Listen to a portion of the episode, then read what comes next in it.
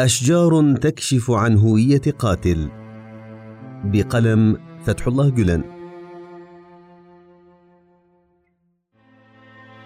ثمة عملية حفظ عجيب تسود الكون برمته.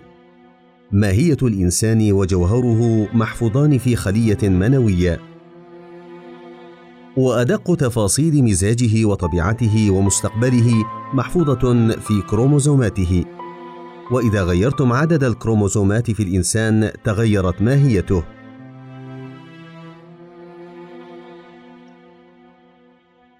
إن جسم الإنسان ومزاجه وعالمه الداخلي يتشكل وفق هذه الكروموزومات.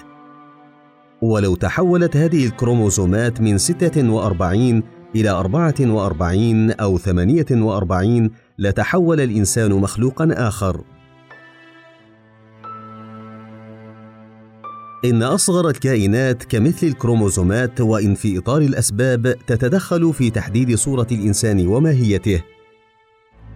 وهذا يعني أن الله سبحانه منح هذه الكائنات الصغيرة سلطة الفعل لكي تنسجم مع الأمور ويستقر النظام في تلك المساحة من الخلق. الأمر الذي يمكننا من مشاهدة نظام رياضي دقيق في هذه الدائرة الحيوية. الكائن الإنساني لا يندثر ولا يضيع هدرا. هذا الكائن الذي ولد انسانا لا يتحول إلى حيوان غدا وإلى نبات بعد غد وإلى كائن آخر في يوم آخر. أجل الإنسان زبدة الكون وخلاصته محفوظ في جرم صغير لا يمكن أن يرى إلا بالمجهر. إنه يولد انسانا ويعيش انسانا ويموت إنسانا ثم يبعث إنسانا ويحاسب كذلك إنسانا. لقد ضمنت شجرة الصنوبر الضخمة داخل بذرتها الصغيرة وحفظت قامتها السابقة التي ستكون عليها في المستقبل داخل هذه البذرة الصغيرة. إن سور جيمس جان أحد العلماء الذين أسسوا علم الفيزياء الذرية عندما يقول: لا شك أن خالق هذا الكون رياضي قدير، فإنه يشير إلى المعادلات الرياضية التي تسير هذا الكون. ذلك أن كل مخلوق في هذا الكون لا يحيد في سيره وحركته واتجاهه عن المقاييس الرياضية الكونية قيد أنملة ولا أقل من ذلك. إن جميع هذه العجائب في الحقيقة تجليات لأسماء الله الخالق البارئ المصور والعليم الحكيم. ولكن جيمس جان وأمثاله من المفكرين يدخلون أسماء أخرى أيضا تحت ظل هذه الأسماء. ونحن معاشر أهل السنة والجماعة نوافق على هذا الرأي إلى حد ما. وذلك أنه قد تغلب أحيانا سيادة اسم من الأسماء الحسنى في مساحة ما فتندرج الأسماء الأخرى تحته وتواصل فعلها في ظله.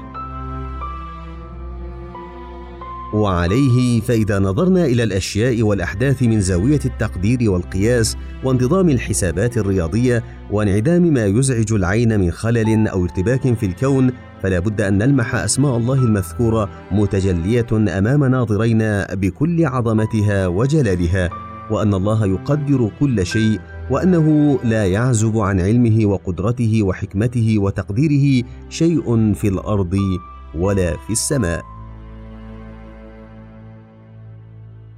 إن جميع الكائنات محفوظة إن جميع النباتات محفوظة بهويتها الأصلية في كروموزوماتها. أجل كما يحفظ الإنسان في النطفة وتحفظ الشجرة في البذرة كذلك تحفظ جميع الأصوات في الفضاء وداخل عناصر متنوعة. وربما يأتي يوم تبتكر فيه آلات نسمع من خلالها كل هذه الأصوات.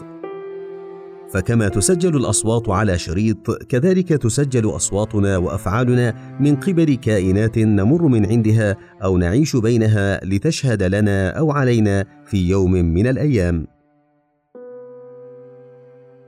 ينقل أحد العلماء تجربة عجيبة مرت عليه. يقول وقعت جريمة قتل وسط مجموعة من الأشجار في إحدى المناطق. فجاءوا بالمتهمين إلى موقع الجريمة للتحقيق معهم.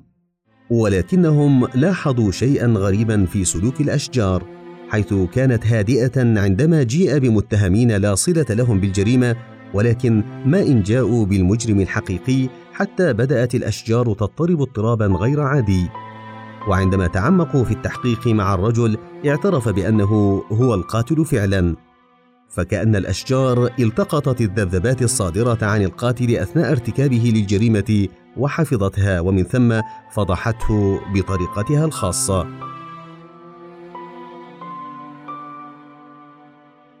إن الحفيظ عز وجل الذي حفظ الإنسان في النطفة والشجرة في البذرة والدجاجة تحت قشرة بيضتها هل يترك الإنسان محور الحراك الكوني وخليفة الأرض وسلطانها سدى بعد مماته؟ كلا بل سيبعثه في عالم آخر كما يبعث البذرة المنثورة في أحشاء التراب ويتوجه بحياة كريمة جميلة تناسب مكانته.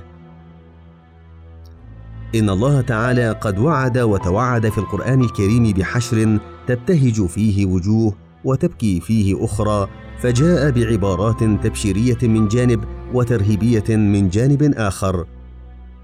إنه تعالى يعد وهو قادر على الوفاء بوعده إذ إن نقض الوعد لا يليق بذاته المقدسة فهو منزه عن أي نقصان ولا سيما إخلاف الوعد.